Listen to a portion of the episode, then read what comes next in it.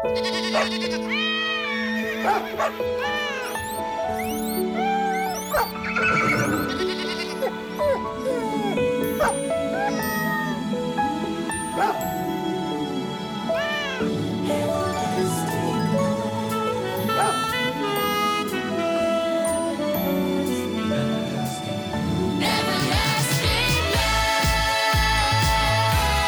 Hej och välkommen till min hundpodd, hundcoachen Fredrik Sten. Idag ska vi prata hund och jag har en gäst i studion som har sammanställt, jag ser pappret här vid sidan om och det verkar vara hur mycket frågor som helst.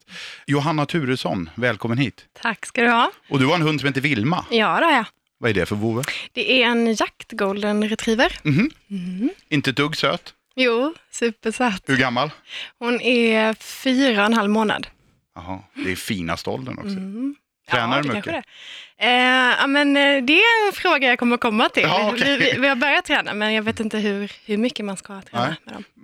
Eh, När jag sa finaste åldern, då säger du ja, kanske det. Ja, men jag, jag har ju aldrig haft hund förut, så jag vet inte om det är finaste. Ja, men tycker du att hon är sötare nu än vad hon var för en månad sedan? Eh, alltså hon var ju väldigt söt när hon var liten, liten, liten valp. Mm. Om man kollar tillbaka på bilder Mm. som man har i telefonen, en miljon.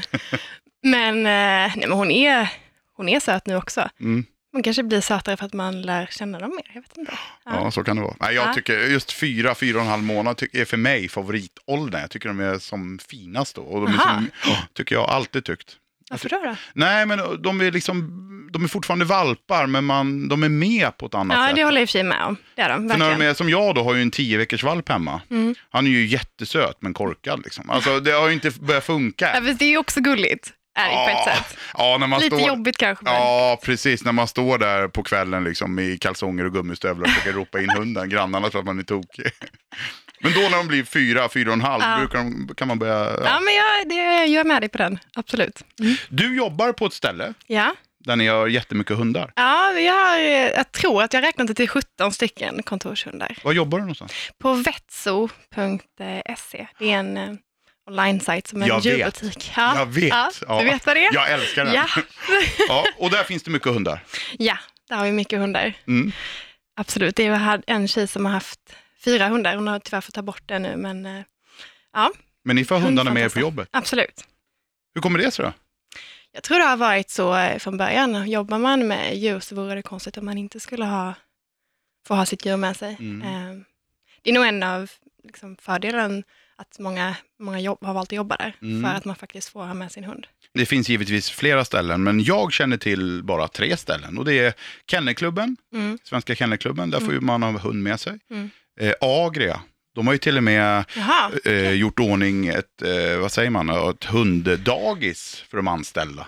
För att de ska kunna ha hund, för man vill ju på Agria, och liksom ni antar jag, att man, man ska vara hundintresserad när man jobbar där, Ja. eller djurintresserad. Ja. Och så ni nu då. ja. men jag måste säga, alltså, arbetsmiljön blir så mycket härligare om man har hundar på kontoret. Mm. Det lättar liksom upp en spänning och jag vet inte. Man har alltid en hund man kan latcha lite med om man är lite stressad eller någonting. Jag tycker det är hur skönt som helst. Alla borde ha en hund på jobbet. Om man kan, om man inte är allergisk. Mm. Eh, de här frågorna du har här, Ja, är det bara dina eller är det från Nej. hela kontoret? alltså jag hade lite svårt att sätta ihop frågor. Jag har, man har ju många frågor men man, eh, man glömmer ju bort dem. Ja. Så att jag tog hjälp av mina kära kollegor och alla fick ställa någon fråga var. Mhm. Så vissa är lite mer invecklade som knappt jag har någon aning om vad Får de jag handlar passa om. ibland eller? Eller jag, Nej, är jag nej, det får du Sveriges sämsta hundcoach då? Äh, nej men det får du. du. Klart du får passa om, det, om, du, om du inte kan någonting. Men jag tror att du kommer kunna svara på det mesta. Okej. Ja. Ska vi köra igång? ja, det tycker jag. Ja. Absolut. Välj fråga. Okej, vi börjar högst upp då. Mm.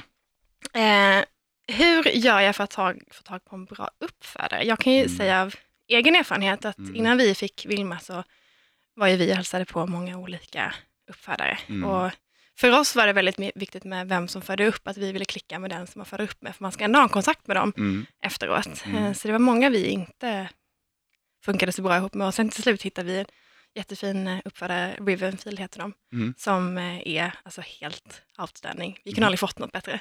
Vad kul. Ja, Det är, nog, det är nog inte så helt lätt det där faktiskt. Jag måste fundera lite här på just den frågan du ställer. Det finns ju sådana här grund... Alltså, jag personligen då, mm.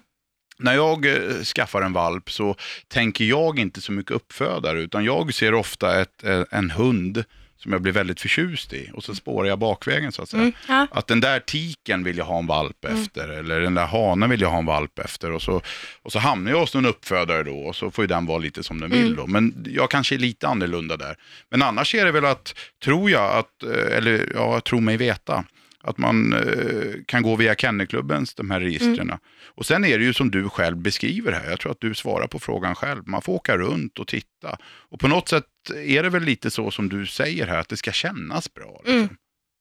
Var det Mm. tråkigt svar? Eller? Nej, absolut. Nej, Men det var bra. Alltså, det där med att kolla bakåt liksom, på den som på själva mamman eller pappan, Ja. det är ju superbra. Men jag kunde ingenting Nej, om det. Jag precis. fick liksom hjälp av mina kollegor som bara, ska du ha en hund, du kommer aldrig få något bättre än, än den här hunden som du liksom, kollar på nu. Nej. Aldrig. Och det Nej. har jag ju förstått nu också. Och, eh, uppfödarna har ju förklarat för oss vad det liksom är för linjer Ja. vi har köpt och sådär. Och det är liksom jättekul. Det har jag lärt mig nu, men jag kunde Mm. inte det innan kan jag säga. Nej, det är ju en liten djungel det där. Alltså. Sen kan man givetvis då gå, kan man tänka sig att man besöker då jaktprov. Mm. Eh, vilket också kan vara svårt om man inte är inne i det. Liksom. Var hittar jag dem någonstans Mm. då? Eller utställningar eller vad det nu kan vara. Och så får man prata med uppfödare där. Och... Men det är ju inte helt enkelt alltså. Det är det ju inte. Nej. Nej. Nej, Ja, jag är ja, jag är inte helt nöjd med svaret på frågan. Men okej, du, Nej, du är nej, vi, vänlig. jag är nöjd. Mm.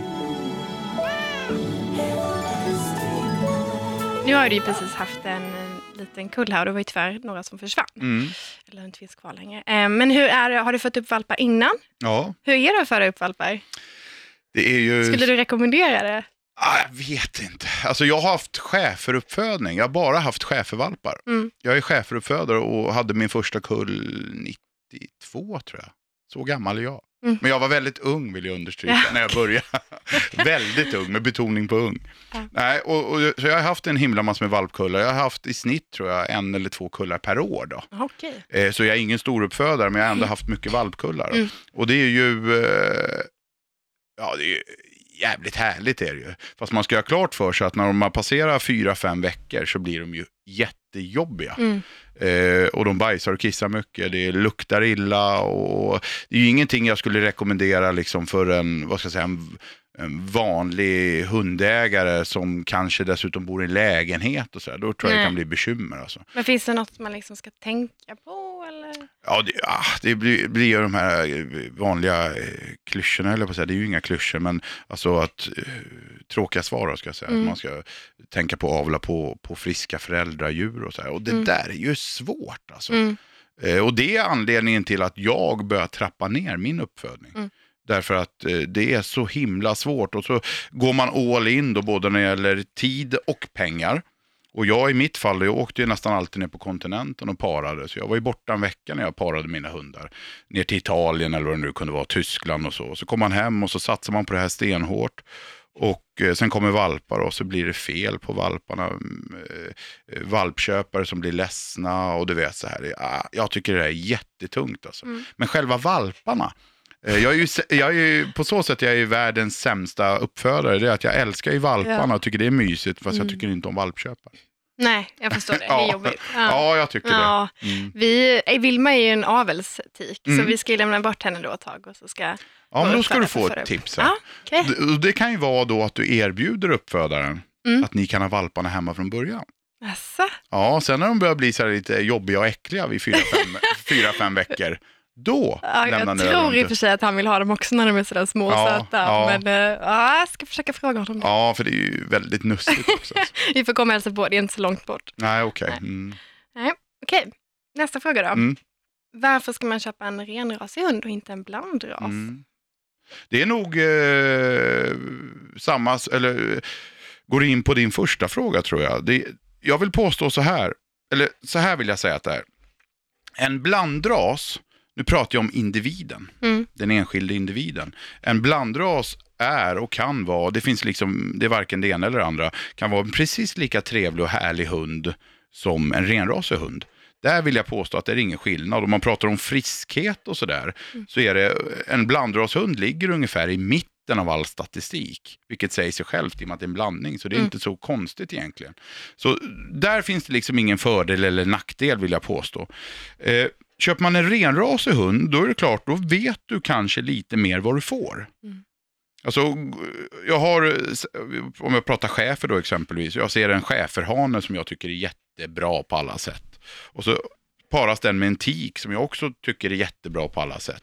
Då är ju sannolikheten större att jag vet vad jag får. Men det är klart, eh, köper jag en, en blandis då, en liten söt blandis, mamma som är cocker spaniel och en pappa som är en Jack Russell.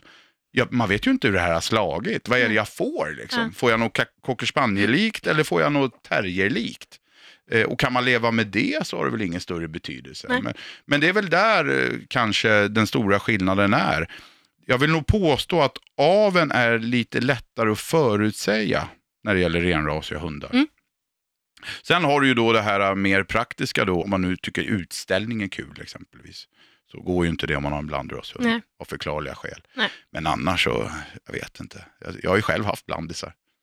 Vad hade du då? En blandning mellan irländsk setter och labrador. Okej. Och det är nog den finaste hunden jag haft. Ja. Då var jag väldigt liten i och för sig, men Ja. hon följde mig överallt. Ja. Liksom. Mm. Ja, Ja. svaret på den. Nej, men det var bra. Vad ska man tänka på inför val av ras när man köper hund? Mm. Det har du säkert pratat om mycket Ja, förut, har men det är en fråga som många vill veta. Ja, och där, ja, det är en himla bra fråga. Jag önskar jag hade mycket, mycket bättre svar än vad jag brukar klämma ur mig. Så jag ska verkligen anstränga mig här. Mm. Men först och främst är det ju så, kan man börja tänka storlek tycker jag. Den, det tycker jag är ganska viktigt i det här sammanhanget. Mm. Kanske jag ska säga då. Ja. Annars har ju storleken ingen betydelse Nej. menar jag. Nej. Ja, ja, men jag bara vill understryka det. Ja, men det är bra. Ja, men när det gäller hund så tycker jag det har det. Och det, det är klart då att eh, vet jag att jag ska flyga, vi säger att jag ska, jag, vill, jag ska pendla ner till Spanien exempelvis och ha ett sommarställe där eller eh, ett hus där. eh, Och jag vill ta med mig hunden, då är det ju givetvis väldigt mycket mer bökigare att ha en Grand Dame va? Mm. än en liten hund som kan sitta i kupén. Mm. Eh, där har du ju skillnaden. Och sen även om hur aktiv du är. Alltså, vi säger att man är en friluftsmänniska, kanske vill ut och åka skidor, Mm. kanske vill ut och fjällvandra och sådär. Då är ju en chihuahua väldigt olämpligt. Mm. Eh, då kanske en schäfer är bättre, Mm. som har den pälsen och så vidare. Där någonstans tycker jag man ska börja. Vad ska jag ha hunden till? Mm.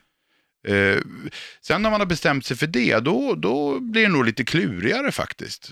Man kan, brukar dela in hundraser i små raser, medelstora och stora. Så det är väl första gallringen man ska göra tycker jag.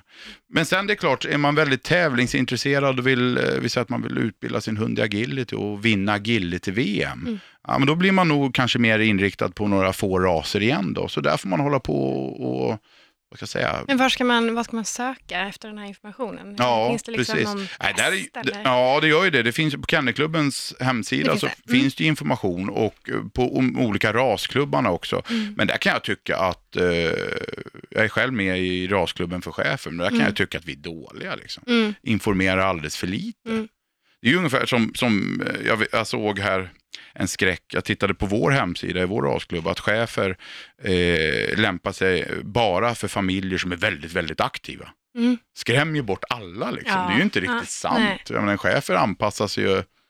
Så äh, men det är lite klurigt det Men där. det är väl Och- de flesta hundar anpassar sig ganska bra, Ja, eller gör inte det? Jo, det Ja. gör de. Och man kan väl säga så här då, där problemet ofta uppstår, alltså där det kan bli liksom verkligen besvärligt då kan jag tycka, det är om man köper sig en extrem jakthund. Mm. Eh, en extrem jakthund efter extrema jakthundslinjer då exempelvis. Och så vill man knappt gå ut med hunden. Nej. Alltså där kan det ju bli lite, alltså att man får en hund som har väldigt mycket motor som man inte utnyttjar. Men det är ju inte så att man måste jaga bara för att man har en jakthund. Nej. Nej, men det vet ju vi. Vi har ju en jakthållare. Ja, vi kommer precis. inte jaga så mycket Nej. den, men tränar portering och... Ja, ja, och vara lite aktiv och ut och röra Ja, på er precis, kanske. Precis. Mm. Mm. Ja, det är inte helt lätt, men informationen söker man nog bäst i alla fall på eh, Kennelklubbens eh, hemsida och på rasklubbarnas hemsida. Och återigen, sådana här utställningar som eh, My Dog i Göteborg exempelvis, som Mm. går av stapeln första helgen varje år, eller Stora Stockholm här Ja. i december. Mm. Jättebra att gå dit och titta och prata med folk och där får man se lite hur de olika hundarna är också. Det Mm. tror jag är bra. Bra. Mm. Ehm, Vilka proffsiga frågor du har.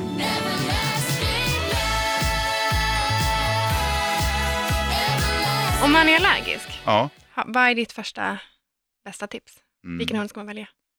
Då är det så här, att det här måste ni kolla upp nu. Mm. Alltså, jag bara säger det jag vet. Ja. Jag blev nämligen kontaktad Mm. av några forskare på, de hade de arbetat tillsammans med KS, Karolinska sjukhuset. Och de skickade hem en låda till mig med sån här svabb, alltså DNA, grejsimojs. Mm.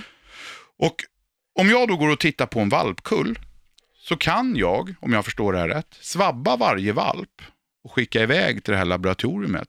Så kan de se att den där valpen och den där valpen och den där valpen kan du inte ha om du är allergisk. Men den där valpen är, har inga allergena grejer liksom.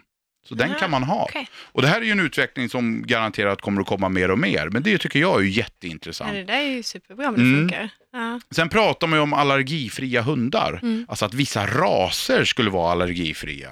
Och det där, så vitt, jag har faktiskt kollat upp det där rätt avancerat och något sånt vill jag nog påstå finns inte. Nej. Däremot så är det då individer som sagt. Det Mm. finns individer och där kommer de ur samma kull. Det kan finnas, om vi tar en kull labradorer då exempelvis, Mm. så kan eh, sex av de här sju valparna vara att de inte kan bo hos någon som är allergisk. Men den sjunde har inga sådana grejer. Mm, häftigt. Ja. Ja. Sen säger man ju då att vissa, vissa raser då har, eh, är bättre om man är allergisk. Eh, eh, Som sagt, jag har inte sett något vetenskapligt bevis på det. Nej. Tyvärr. Egentligen en fråga som du kanske redan lite har svarat på. Mm. Om man har, har barn, finns det några raser som är bättre att välja då? Jag vet ju att Mm. till exempel golden retriever är känd som en Mm. familjehund. Mm. Men Nej, jag tycker du? inte det. Nej. Vi säger så här, jag kan inte tänka mig någon ras som inte fungerar ihop med barn. Nej. Faktiskt. Nej.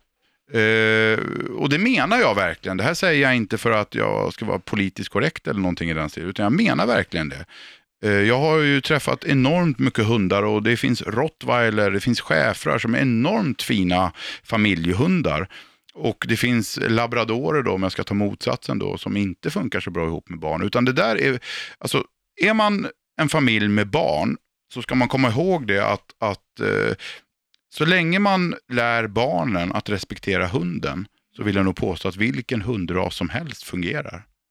Faktiskt. Det är när man, när man köper en leksak till barnet, det är Mm. då det ofta kan bli bekymmer. Mm.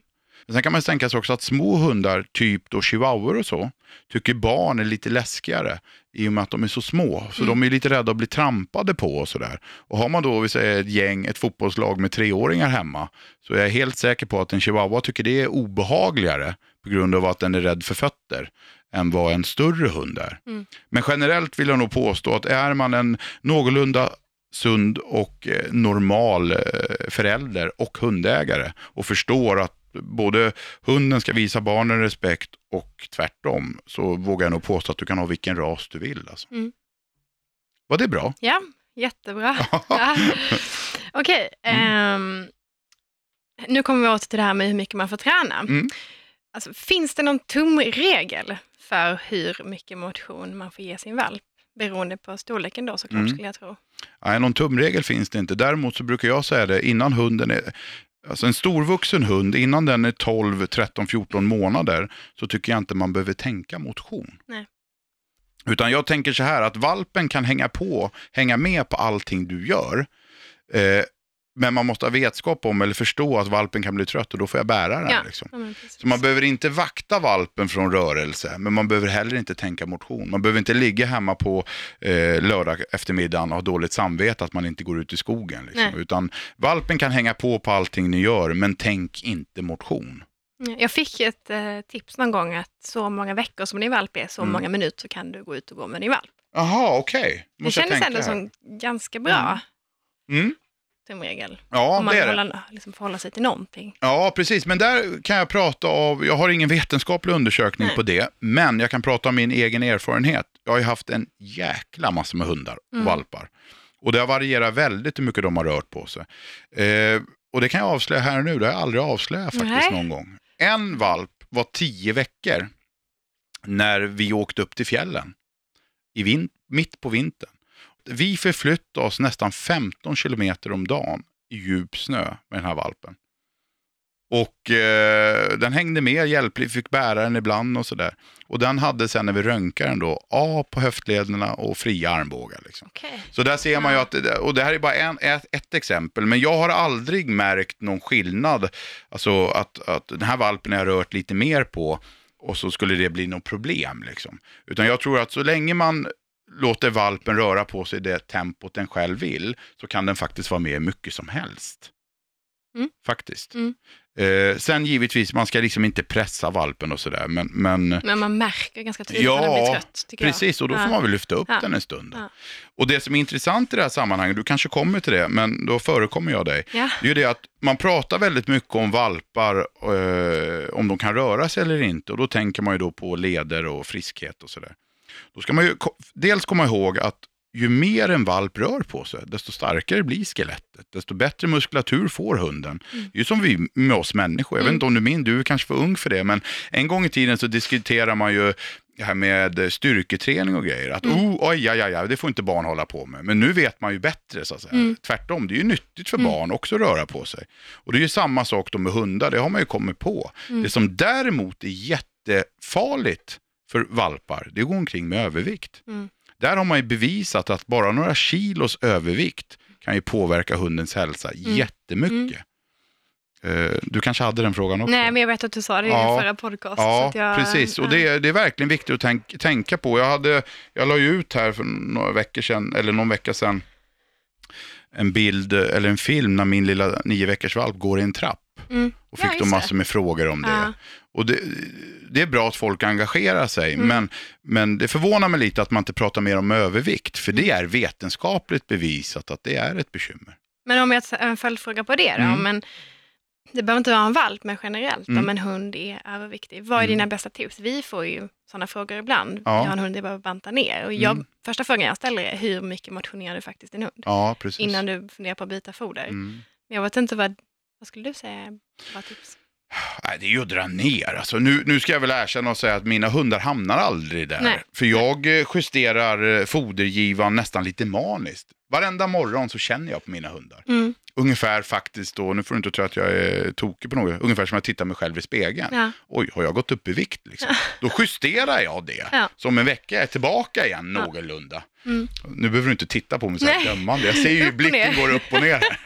Nej men alltså på något sätt då. Likadant är det med mina hundar. Jag känner ju på hundarna varenda dag. Jag känner ju direkt, oh, fan det håller på att bli lite tjock här. Mm. Då drar jag ner direkt. Mm. Men det är klart, får jag en jättetjock hund hem till mig, för det har faktiskt hänt. Mm. Det är som en tunna och den måste ner i vikt. Och då är det ju de här lightfodren, dietfodren som gäller. Och motion. Mm. Mm. Och sådana foder har ni Som va? vi säljer. Ja, precis. Tänk att jag visste. Ja. Det här är då en fråga direkt eh, riktad från en av mina kollegor. Mm. Eh, han har en engelsk bulldog eh, som inte vill promenera. Ja, Hur får man henne att promenera? Ja. Eh, det är ganska vanligt med den rasen Ja, jag, faktiskt. jag säger också det, men Mm. man, mm, no, Mm. på något sätt borde man väl få dem att... Ja, eh, och jag har löst det många gånger. Mm, okej.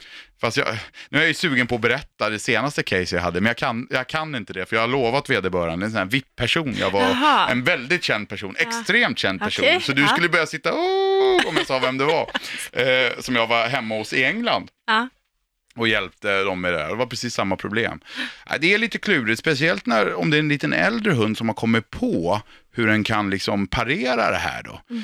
Men man kan väl säga så här, grund, alltså, har man en hund som inte vill gå ut, då tycker jag, nu drar jag några alternativ där. Det ena är ju att lyfta hunden.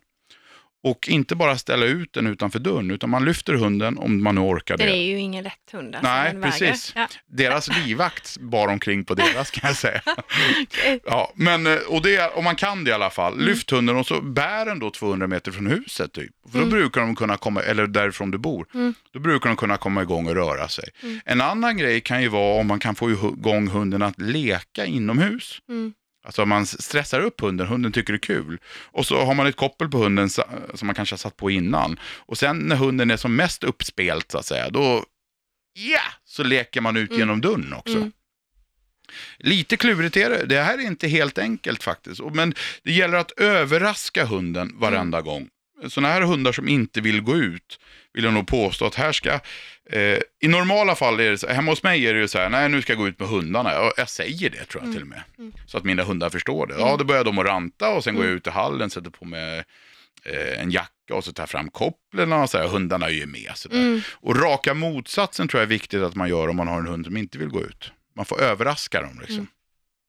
Eh, om de tycker om mat exempelvis, då kanske man öppnar dörren och så ställer man maten på eh, trappen Mm. eller utanför ytterdörren. Och innan hunden får äta sätter man på hunden kopplet och sen när den äter så går man direkt. Man får hitta på olika lösningar. Inte helt enkelt faktiskt. Sen så ska man ju inte underskatta i det här fallet heller en viss typ av krav kan man faktiskt testa med. Det vill säga så här att okej, du vill inte men du måste. Men här får man ju passa sig så inte det, den kravställningen blir oetisk eller, eller för hård. Liksom. Men det är inte helt enkelt. Gamla hundcoachen, programmet Hundcoachen som gick för hundra år sedan nu. Ingen aning vad det är. Jag kollar väl du på Bolibompa på den Ja, tiden? Ja. Förmodligen. Mm. Men vi gjorde ett hundprogram då. Ja. Eh, och där hade vi faktiskt ett sånt case. Och där så, eh, det var en hund som inte ville gå ut. Boende i Eskilstuna var det tror jag. Mm. Eh, och där gjorde vi lite olika varianter. Så här. Ena gången sprang vi ut, andra gången lurade vi ut hunden och sådär. Mm. Ja, inget kul är det. Nej, det är jobbigt. Det blir ganska Går den jobbigt. inte ut och rastar sig heller då eller? Eh, nej, du tänker att den går ut själv? Liksom, Ja, utanför? för att den måste göra sina jo, men behov. Det, det gör hon nog, Mm. absolut. Det är Mm. klart att hon gör det. Men eh, jag vet att det är ganska jobbigt Mm. för dem, att- för att hon aldrig vill. Och sen bli- kommer man ju i en negativ spiral här. För vill inte hunden gå ut så blir den ofta lite lätt överviktig och blir den lite lätt överviktig och lite trött sådär. Då vill den gå ut ännu mindre. Och, så det gäller på något sätt att få igång det där. Mm. Men i värsta fall då får man väl eh, bära ut hunden i bilen så får man väl åka två kilometer hemifrån då. Så Mm. får någon annan ta hem bilen och så får man gå hem. Mm.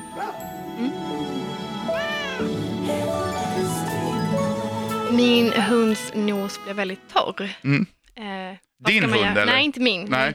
Jag pratar ju åt en kollega här. Vad Ja. ska man göra åt det? Ska man smörja in den eller? Pussa på den. Ja. Nej, eh, faktum är att här skulle jag nog vilja säga pass. ja. okej. För det här är en veterinärfråga. Eh, fråga. Men du vill fick jag- inte säga pass. Jo, för Nej. jag måste det. Ja, Ja, men kontakta veterinär. Ja, Nej, men man kan, jag tycker man ska rådfråga med en veterinär. Mm. För även fast jag, jag är absolut inte expert på veterinärfrågor, Nej. men min erfarenhet säger att det kan bero på olika saker. Så här tycker jag man kan rådfråga en veterinär. Mm. Och det finns väl någon veterinär man kan ringa kanske? det finns det. Mm. Nej, inte ringa, men man kan... Eh, Ladda kan, ner en app eller? Man kan ladda ner en app. Man Ja. kan ringa First Vet till exempel. Ja, precis.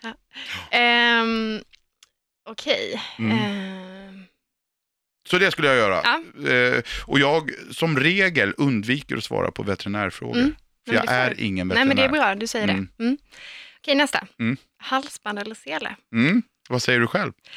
Jag var faktiskt för sele förut. Ja. Eh, Jag är inte emot det, men sen så sa min uppfödare att han inte tyckte att jag skulle ha sele, utan att jag skulle börja med halsband. Mm. För man får en bättre kontakt med sin hund. Och jag kan nog ändå hålla med honom där, att i början kör på halsband, sen får en hund som absolut inte kan gå i halsband. Mm. Då kan du gå över på sele. Mm. Det är vad jag tycker, men jag vet inte. Ja, jag är ju helt likgiltig Ja. inför det här faktiskt.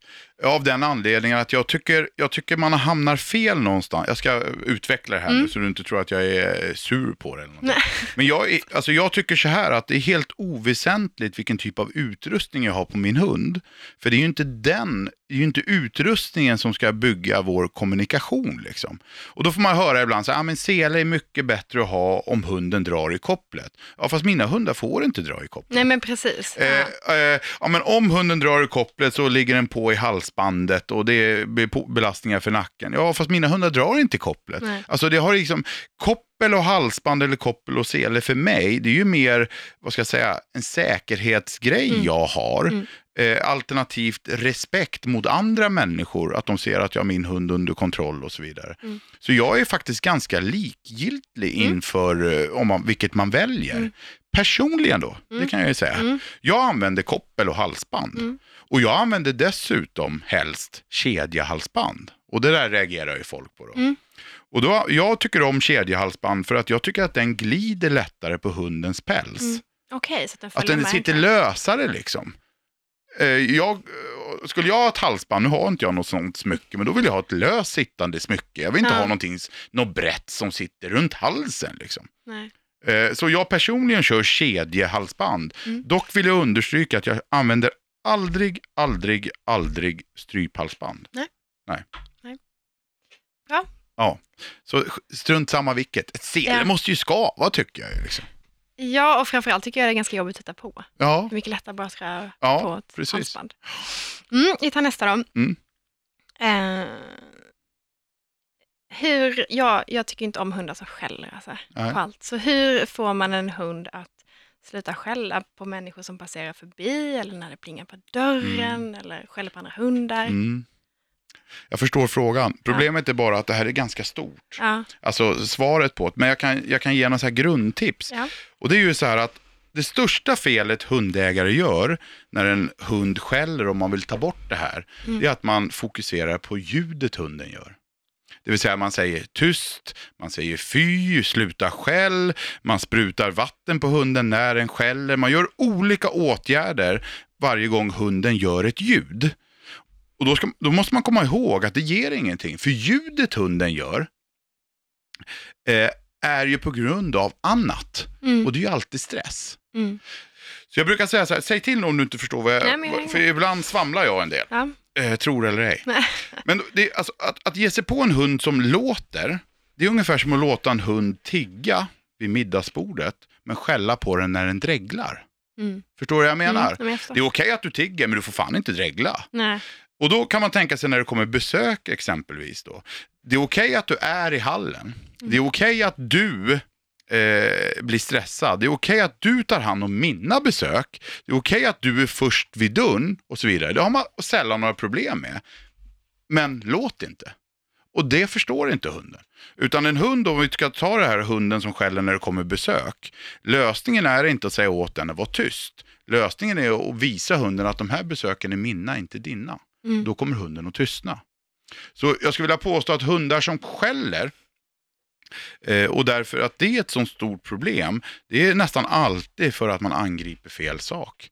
Eh, hunden som är på tomten och springer efter staketet och skäller på människor, ja det beror ju inte på, alltså att den skäller beror ju på att den får springa och vakta på tomten. Förstår du vad jag Mm, menar då? mm, jag, kan inte, jag kan inte någonstans säga så här, ja men du får springa och vakta på tomten men du får inte låta. Nej. Alltså det, den, det förstår inte en hund. Utan där, där, då, och då är det ju många som säger sluta skäll och var tyst och sådär. Nej, det är inte lösningen. Du kommer inte att nå fram där. Utan lösningen är att visa för hunden att du har ingenting vid staketet att göra när det kommer folk. Nej. Nu blir det ju jävligt teoretiskt där, men tyvärr måste Nej, men bli det är väl det, den, det Ja, och det, och det, alltså det här är ju mitt favoritproblem, kan man säga. För här får jag alltid glänsa. Aha. Ja, för det är alltid så man, man ska hjälpa människor där hundar skäller, framförallt då när det kommer besök då, så, där. så är det ju alltid så att visa vad du har, tala om för mig eller visa mig vad du har provat förut. Och det är bara, man bara inriktar sig på de här ljuden. Mm. Liksom. Och lösningen ligger inte där. Och så lär man sig bara, okej, nu när det kommer besök, se till så hunden inte får vara i hallen. Mm. Ja, men om den skäller då? Ja, men skit i det. Se till så hunden inte får vara i hallen, då kommer hunden att tystna. Ja. Det är liksom, hunden dreglar när den tigger, ja men se till att den inte är vid bordet. Mm. Ja, då dreglar den ju inte. Var steget före. Ja, precis. Mm. Vet du en sak? Nej. Vi chattrar som tusan, vet du hur länge vi har hållit på? Nej, Eh, vi måste börja runda av. okej. Ja, hade du några frågor kvar? Ehm, ja, det hade jag. Men Mm. eh, Du jag får en till. får en till. Mm. men du får komma tillbaka. En fråga fast med två då. Eh, brukar du tänka på någonting när du köper foder? Ja, det gör jag. Eh, Jag provar mig ofta fram faktiskt. Mm. Eh, Gör jag. Jag, eh, jag hittar ett foder som jag tycker fungerar väldigt bra på mina hundar. Och vad säger jag, fungerar väldigt bra på mina hundar, då är det ju så äckligt att avföringen ska vara bra. Mm.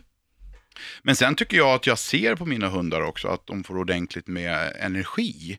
Alltså pälsen blir fräsch, de ser fräscha ut vid ögonen och när jag motionerar dem så är det precis när som när en annan motionerar, det måste ju bli något också. Mm. Alltså, en, eh, maten är ju lika viktig, hundfoder är ju lika viktig för hunden som mat är för oss. Och det tror jag folk eh, missuppfattar, helt, eller, eller struntar i, man går efter priset bara. Vilket jag tycker är fel då. Mm. Utan det är viktigt att, att fodret stämmer eh, bra på min hund. Sen då vilket foder och sådär, det är väl svårt att säga, men om vi tänker på ditt jobb exempelvis, de allra flesta foder du har, om inte alla som ni faktiskt säljer, det är ju bra foder. Absolut. Eh, Och går man till en fackhandel så är det ju bra foder där och där ska man ju hitta rätt. Alltså. Mm. Men jag vill nog eh, påstå det att på vissa hundar har jag gett hundar ett foder då som andra säger är bra. Men så har inte det fungerat på min hund. Och då byter jag. Var köper du ditt foder ifrån då? det vet du ju redan. Ja, men var Du har köper väl- du det ifrån ja, då? men du- har, På internet. Ja, på internet? Mm, Okej. på internet. Jaha. Ja, ja. Och du har väl sett Så du slipper liksom hämta det i butik? Ja, då? precis. Ja. Johanna, Yes. jag vet vad du vill komma. Ja. Mm. Eh, eh, stort tack för att du kom hit. Tack ska du ha. Och så Glöm inte bort att pussa Vilma på nosen. Nej, jag lovar. Jag ska göra Annars det. gör jag det personligen nästa gång jag besöker Det dig. får du göra. Du är välkommen tillbaka. Ja, men tack faktiskt. ska du ha. Vad roligt. Tack snälla. Tack och till dig som lyssnar då så ska jag också säga då att glöm inte att prenumerera på min podd så du inte missar några avsnitt. Och sen att jag bloggar om hundar. Jag bloggar inte om träningstips för personer eller vad jag har för kläder på mig och sådär, utan jag bloggar om hundar, inget annat. Och den här podden, eh, bloggen görs tillsammans med Agria på agria.se och den här podden görs tillsammans med mina kompisar på Agria också. Tack så länge.